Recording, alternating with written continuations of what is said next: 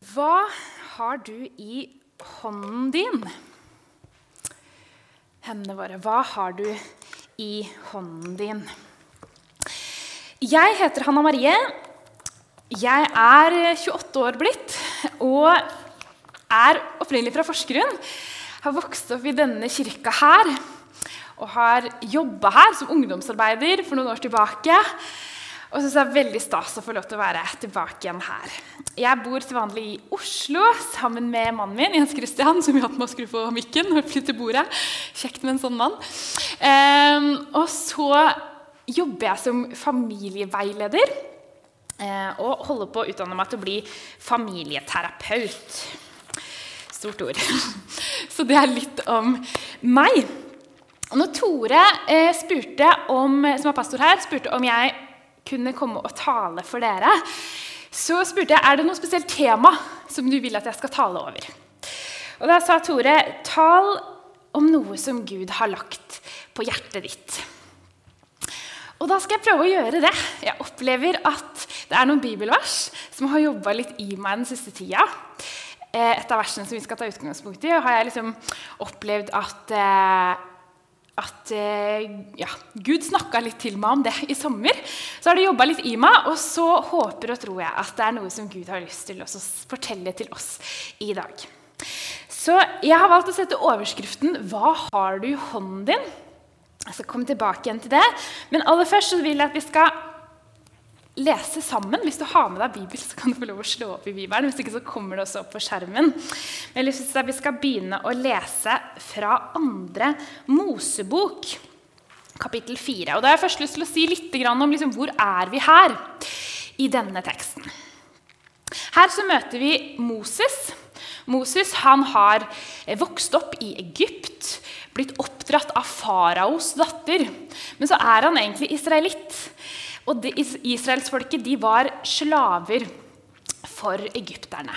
Så han hadde nok en litt sånn rollekonflikt, kan jeg se for meg. Eh, og opplevde også å ha det. Han er på en måte litt sånn egypter, men han er israelitt. Og så gjør han noe dumt. Han tar liv av en eh, Skikkelig dumt. Han tar livet av en egypter når han kjenner på dette, at egypterne gjør eh, noe fælt mot folket hans. Og så oppdager farao det, og så må han flykte fordi han blir så redd for å bli tatt. Så han flykter ut i ødemarken. Og her er vi da i denne teksten. Han er i ødemarken.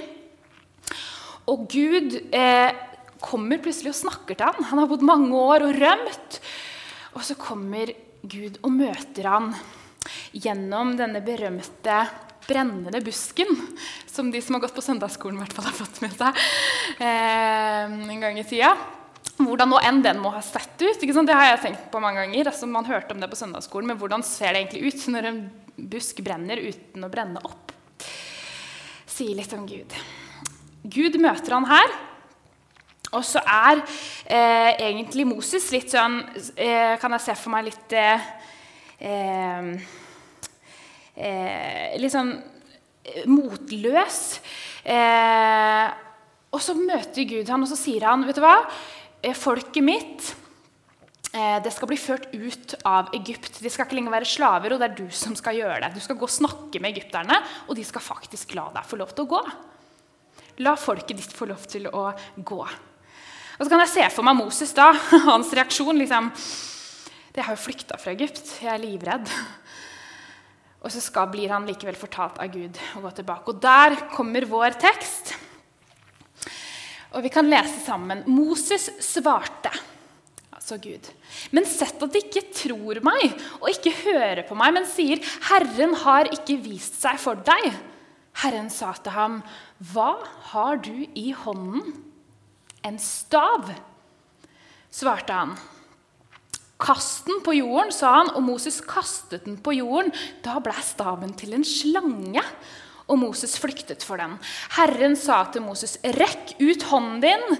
Grip den i halen. Så rakte han ut hånden og grep den, og den ble til en stav i hånden hans. Jesus, jeg takker deg for at du er her sammen med oss i dag.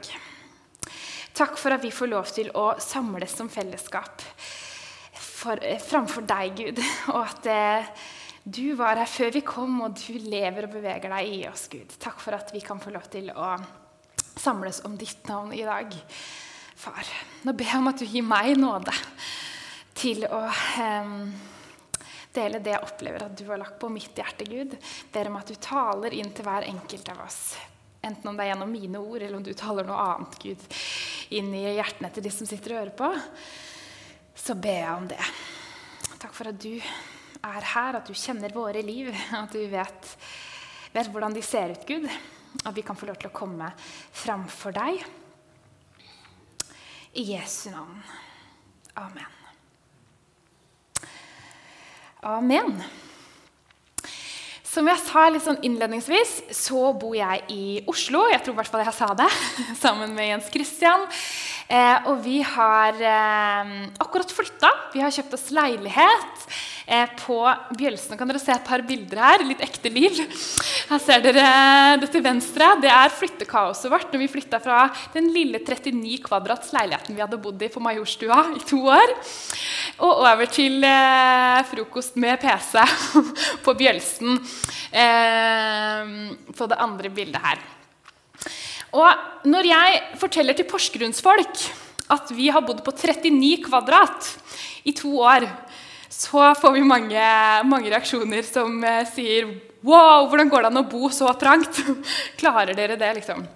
Eh, og det er en annerledes kultur i Oslo. Der er det helt vanlig eh, å, bo, eh, å, bo, litt trangt. Eh, I Porsgrunn så kjøper man jo stort hus når man er 20. Er det ikke mange som gjør det? I hvert fall har du noen venner som har gjort det. Men i hvert fall så, eh, så flytta vi da fra 39 kvadrat toroms til en treroms 54 kvadrat. Da følte vi at vi hadde fått noe ganske stort. eh, så her har vi da flyttekaoset vårt fra i sommer Eh, og jeg må jo innrømme da, at, eh, at, jeg var veldig glad for at jeg og Jens Kristian hadde vært gift noen år og kjente hverandre ganske godt da vi flytta til 39 kvadrat. Da hadde vi bodd noen år i Oslo, nei, i Kristiansand i en litt større leilighet og blitt eh, litt bedre kjent før vi skulle bo så trangt. Visste litt hvordan skal man gi hverandre alenetid og space og sånn før vi flytta såpass trangt. Så jeg, jeg, skal si meg enig i det, Porsgrunn. Eh, men så er poenget mitt da at, at vi opplevde da at selv om vi bodde litt trangt, og kanskje fortsatt eh, følge mange bor litt trangt, så opplevde vi liksom å ha det vi trengte. Vi opplevde at ok, vi hadde to rom, sånn at hvis man skulle ha besøk, som skulle overnatte, så måtte de bo i stua. Og, men vi hadde, liksom, vi hadde klappbord, sånn at når vi dro de ut, så så var det plass til en god del gjester. Ja, det tok nesten hele stua. Men vi kunne liksom spise middag sammen flere, og vi opplevde liksom å ha det vi trengte. Vi hadde det vi, vi trengte for hånden. Og når vi da flytta litt større, så er det lett å tenke liksom tilbake at oi, hvordan klarte vi det? Men jo, vi hadde egentlig det vi trengte. Og det tror jeg vi har nå også, selv om vi alltid kan liksom se litt framover og tenke oi, hva, det, hva, kan jeg få som er større neste gang, og litt bedre neste gang? Og alt hva er det jeg burde hatt? Eh, så vet vi at vi har jo egentlig det vi trenger for hånden. Vi har noe som vi har fått, tror vi, dypest sett av Gud, i hendene våre. Og det er litt sånn utgangspunkt for talen min. Hva er det vi egentlig har? Ikke bare hva er det vi tenker at vi burde ha, eh, men hva er det vi faktisk har og fått i hendene våre av Gud, som vi har nå på ulike områder? Um, ja. ja. Um, det er ulike historier i Bibelen der Gud har plassert ulike ting i folks hender. Og den teksten som vi leste i stad, det er ett eksempel på en, på en konkret ting som Gud la, eller som Moses hadde i sin hand. Og Nå skal vi gå gjennom tre punkter med utgangspunkt i hva er det Gud har lagt i våre hender.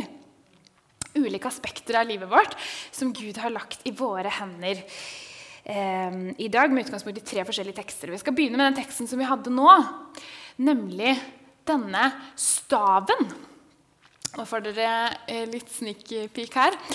Eh, Moses, eh, eller Gud spør Moses hva har du i hånden din. Og så svarer Moses Jeg har en stav. Og hva, og hva var det? Liksom, Moses gikk rundt med denne staven. Det var en vandrestav.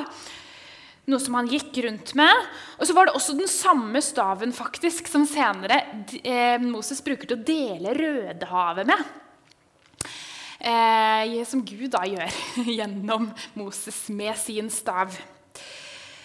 Og så, Hva er det Gud ber Moses om å gjøre med denne staven? Jo, han ber han om å kaste den til bakken. Han sier egentlig 'legg den ned for meg'. Og så blir den til en levende slange når, når Moses gjør det. Og så ber Gud han om å ta den opp igjen. Og så tenker jeg, Hva er det det kan symbolisere i våre liv? Hva er det Moses har i handa si? som vi også har i handa vår, som vi også går rundt med og har med oss der hvor vi er. Jeg tenker da at det kan handle om vår identitet. Hvem er det jeg er? Det har jeg alltid med meg. Hvem jeg er, formuen min, det som jeg har. Og innflytelsen min, det jeg får lov til å påvirke der hvor jeg er. Det har jeg alltid med meg, om jeg er bevisst på det eller ikke. Og hva betyr det med identitet? Jo, jeg tenker at Gud utfordrer oss på å si Hva har du i hånden din? Dette er det, den jeg er. Eh, og så lever vi litt i en kultur hvor vi er litt sånn vår egen lykkes med. Eh, og så tror jeg at Gud utfordrer oss på å si at hvem er du dypest sett? Hvem er det du Legg det ned for meg, hvem du dypest sett er. Jo, mitt barn. Og la meg få lov til å påvirke hvem du er, og din identitet. Så jeg tror Gud utfordrer oss på å si hva har du i hånden din? Jeg har disse, jeg har denne identiteten. Jeg har den folk sier at jeg er. Jeg er den jeg tror at jeg er. Men hvordan kan jeg legge det ned for Gud og si Gud, forvandle og, og gjøre noe med hvem er det jeg er, og er, hvordan er det jeg ser på meg selv. Og hvem er det jeg er? Jeg er dypest sett din. Og kaste det ned for Gud og la Han få lov til å bevege meg og den jeg er så vil han gjøre det til noe levende som vi kan få lov å ta med oss videre. Og Det samme tror jeg også med formuen vår. Og så sitter vi her og har veldig ulik økonomisk situasjon. Eh, og jeg tror at egentlig Uavhengig om man opplever å ha masse penger eller lite penger, så tror jeg det vi har, det tror jeg Gud dypest sett ønsker å si at ah, legg det ned for meg, det som du eier. Eh, og det tror jeg det, gjorde, det gjør i hvert fall noe med meg og Jens Christian når vi velger å tenke at ah, den leiligheten vi har, og vi har vært så heldige og velsigna å få lov å kjøpe nå, den er dypest sett Gud sin. Ja, den er, den er, vår på papiret, men den er faktisk dypest sett Gud sin. Når vi velger å se på det sånn, så gjør det noe med oss. Hvordan kan det få lov til å påvirke eh, hvordan vi lever våre liv? Eh, og hva vi, eh, hva vi velger å, å, gi videre. Også innflytelsen vår Eh, det, vi har ulike arenaer. På jobb eller på studiested eller eh, på fotballbanen. Eh, her i kirka, på sosiale medier. Vi har ulike arenaer hvor vi har en innflytelse på folk rundt oss. Hvordan er det vi velger? Og legge, vel, ønsker vi, og jeg tror Gud inviterer oss til å legge det ned for ham, sånn at han kan få lov til å bevege det. Det tror jeg er staven, den, det ene symbolet på hva er det vi har i hånden vår en stav. Vi har identiteten vår, formuen vår og innflytelsen vår. Og nå går jeg litt raskt gjennom, og jeg håper at eh, dette er noe man kan snakke videre om. og i Connect-grupper og sånn. Hvordan kan det faktisk eh, Nå forsvant den litt på skjermen. Eh, hvordan kan det egentlig se ut? Er det noe jeg skal trykke på? Eller skal den bare Der, ja. Så bra. hvordan kan det se ut i mitt liv å legge disse tinga ned for Gud, og ønsker jeg det? Eh, jeg tror ikke det er noe vi må, men jeg tror det er noe Gud ønsker for våre liv. At vi inviteres til å gjøre det og bruke staven vår. For da vil Gud bruke den til å eh, gjøre store ting, som når han valgte å bruke staven til Moses til å dele Rødehavet, f.eks. Som aldri i verden Moses hadde klart med en stav aleine hvis han ikke hadde valgt å legge den ned for Gud. Så hvordan ser det ut? Det er den ene tingen. Og så har jeg lyst til at vi skal gå videre til eh, tekst nummer to, som jeg skal gjenfortelle. Og det er den kjente eh, bibelfortellingen om to fisker og fem brød, der Jesus metter 5000. for hva er det som skjer i den historien? Jo, Jesus han er jo eh, og taler for en stor folkemengde. Det står at det er 5000 menn i tillegg til kvinner og barn. Og, eh, og hva er det som skjer? Jo, folk blir sultne. De har ikke mat. De er langt fra mat. Eh, og så tror jeg at eh, Ja, folk blir usikre. Jesus sier at, eh, at vi må samle sammen mat. Og så kommer det en gutt fram for Jesus og kommer med nissepakka si. ikke sant? To fisker og fem brød. Og hvordan skal, vi, hvordan skal han klare å mette liksom? Hvordan skal 5000 menn og kvinner og barn bli mette av den lille nistepakka? Da må jo Jesus gjøre noe. Men så er denne gutten frimodig. og liksom, han, har, han har opplevd tror jeg, noe på innsida som gjør at han har lyst til å gi dette. Han opplevd dette er noe han har i sine hender. Han har dette. Og Så gir han det til Jesus, og så metter jo Jesus 5000 ut fra denne lille nistepakka. Og hva kan det symbolisere i våre liv ut ifra hva er det vi har i våre hender? Og da tenker jeg på han gutten. Hva er det han opplevde, liksom? Jeg tror at han eh, opplevde å kjenne at dette har jeg lyst til å gjøre. Det lille jeg har, det har jeg lyst til å gi. Og det tror jeg at er med oss noen ganger, at vi har alle noen ting i våre liv som vi opp, eh, har av eh, Noe som er liksom lystbetont, noe som vi kjenner at åh, dette har jeg liksom lyst til å gjøre noe med. Eller eh, her opplever jeg å, å, være litt god. Eller her opplever jeg at eh, at jeg har en drøm eller et ønske om noe. Det kan være at du har eh, et ønske om å være fotballtreneren. Eh, eller at du eh, ønsker å kunne være den som eh, møter folk i døra.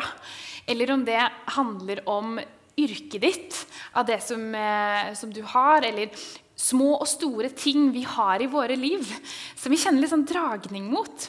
For min del så handla det om at jeg har kjent på at jeg har hatt liksom veldig sånn rettferdighetshjerte.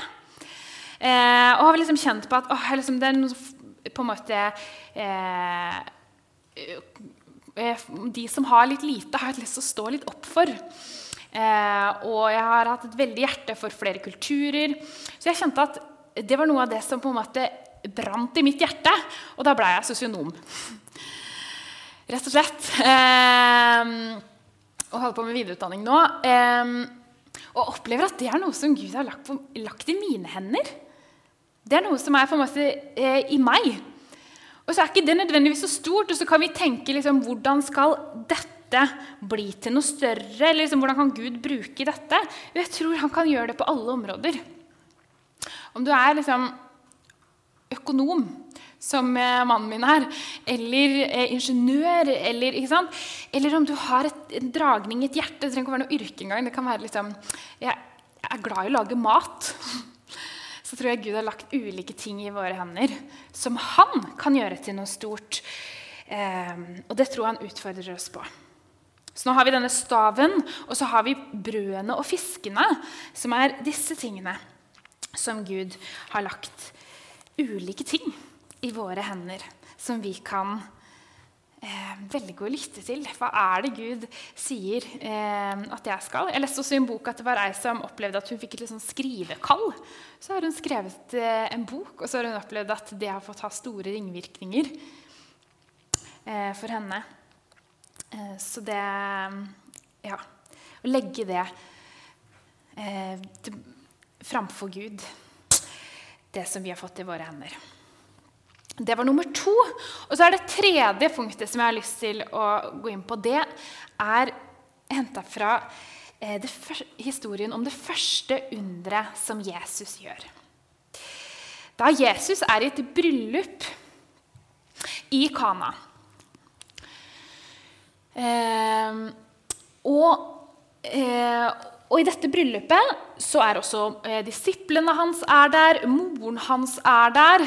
Eh, og så ser moren til Jesus at vi har gått tomme for vin. Og så kan vi kanskje tenke ja, ja, det var vel ikke så ille. Eh, så, men så på en måte i den kulturen på den tida så var det å gå tom for vin var utrolig skambelagt. Eh, og liksom krise for brudeparet, for deres ære. Og Og så sier Jesu mor det til Jesus at vi, har gått, eh, vi har gått tomme for vin. Og hva er det Jesus gjør da? Han ser rundt seg. Og så ser han at det er noen store sånne vannkar som ble brukt i renselsesskikker. Eh, og så ser han disse vannkarene, og så ber han tjenerne som står der, om å dra og fylle dem med vann. Og det som ikke står i teksten, som jeg aldri har tenkt på før, men som jeg ble gjort oppmerksom på i sommer, når det var noen som la ut denne teksten på Liv og vekst, eh, Misjonskirken sin, eh, sitt sommerstevne som jeg var på i sommer, eh, på ungdomsleiren der, så, eh, så var det en som fortalte det at Åh, eh, disse vannkarene, Når tjenerne ble bedt om å fylle dem med vann i dette bryllupet, så tenker vi kanskje at ja, ja, så gikk de og fylte litt vann. Men nei da, de kunne ikke bare fylle. Eh, det var ikke noe kran der som de kunne fylle med vann. Så de gikk langt, sannsynligvis. Langt til disse brønnene. Og man tro hva disse tjenerne tenkte når de gikk med disse store vannkarene. Og liksom, herlighet, det var jo ikke vann vi skulle ha. Har det klikka for Jesus? Vi skulle jo ha vin, men ja, ja, de er lydige. Så de går med disse store vannkarene og fyller dem med vann. Sikkert eh, masse jobb, tok masse tid. Gikk fram og tilbake. Fulgte det som Jesus sa. Rutinen, det faste, vante, henta vann. Og så gjorde jo Jesus dette vannet til vin. Og så kan vi tenke Jesus, hvorfor gjorde du det ikke litt enklere? Kunne du ikke bare Papa, så ble det vin? Istedenfor at de måtte gjøre denne jobben. Jeg i hvert fall kan tenke det. Og sånn tror jeg kan tenke mitt eget liv også. Jesus, hvorfor gjør du det ikke litt enklere noen ganger? Hvorfor skal du trenge at jeg gjør noe? Her føler jeg at jeg sliter meg ut. Og du er jo eh, du er jo eh, skaper av himmel og jord. Er det noe du klarer, Gud, så er det jo å gjøre under. Og hvorfor gjør du det sånn? Jeg har ikke de svara. Jeg vet ikke hvorfor Jesus valgte å gjøre det på den måten. Men det jeg vet, er at Jesus han så en verdi i dette, eh, denne faste eh, rutinen, den lydigheten til, eh, til disse tjenerne eller vannbærerne. Og kanskje er vi nettopp det, at vi er vannbærere. Hva har du i hånden din? Jo, vi har også vannkar. Dette faste, vante. Eh, trofastheten. Om det er liksom, jeg tenker Det kan være både eh, der hvor vi er til vanlig, i våre hverdagsliv, på jobben vår, i familien vår, eh, blant vennene våre de tinga som vi gjør trofast, som vi kanskje ikke alltid ser frukten av, men som jeg tror Gud ser at vi står i. Og at vi har fått disse tinga i våre hender. Og også det vi gjør i kirka, de små tjenestene. Når vi eh, si, ja, møter noen med et smil, eller er her og kjenner at jeg skulle ønske jeg hadde sluppet å komme her klokka ni eh, på en søndag morgen. Og så tror jeg ikke det betyr at vi må disse tinga. Jeg har en overbevisning om at det, det er ingenting vi må foran Gud. Men jeg tror at Gud ønsker at vi skal få lov å legge det ned for ham. Og at vi skal få lov å inviteres til å si at disse tinga som du har i dine hender, det har jeg lyst til å velsigne og gjøre til vin. Billedlig talt. Mm. Og jeg blir rørt. Jeg har en bok jeg har sikkert lest i den her flere ganger også. Jeg føler jeg alltid har den med meg når jeg taler eller har en andakt. eller noe, For det er alltid elsket heter den. Og i den så er det en historie om en kjent eh, pianist som har en nydelig eh, eh, konsert, eh, lunsjkonsert på et kjøpesenter. Og Så har han en liten pause, og så, kommer, eh, og så er det en dame der som har med seg sin fem år gamle sønn. Eh, og I pausa så blir hun plutselig sånn Oi, hvor er femåringen min? Er det noen som har opplevd det? Jeg har ikke barn selv, men jeg har eh, har sett eh, Jeg tror jeg var den femåringen selv noen ganger som forsvant. har jeg jo blitt fortalt. Um, og, Og plutselig så ser moren til sin store flause eller liksom ah, Her står den femåringen. Han har satt seg på pianoet. Og så spiller han 'Blinke, blinke, stjerne lill' med én finger. Og hun blir så flau og skal liksom løpe bort og hente sønnen. Liksom, nå er det han kjente pianisten som skal stå her. Men før hun rekker å gjøre det, så ser hun plutselig at pianisten har gått bort til denne lille gutten og satt seg ved siden av han på pianokrakken. Og så, har han, så begynner han, sier han til den lille gutten bare fortsett å spille med liksom én finger, blinke, blinke, stjerne, lill. Og så legger han akkorder til, legger andre stemme, gjør det til et vakkert stykke. Og spiller denne gutten god. Og publikum er bare storslått. Syns det er helt fantastisk, og denne moren blir så rørt. Og det tror jeg at Gud sier til oss også når vi spiller med vårt lille. Det faste, liksom, både det lystbetonte, vår identitet, det vi har med oss, men også det faste, kjedelige, som vi kan kjenne hva har dette av betydning. Så tror jeg han sier, ikke slutt å spille.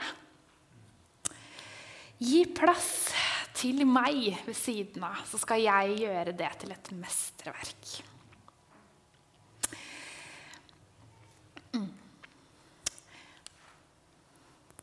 Jesus han har plassert ulike ting i våre hender.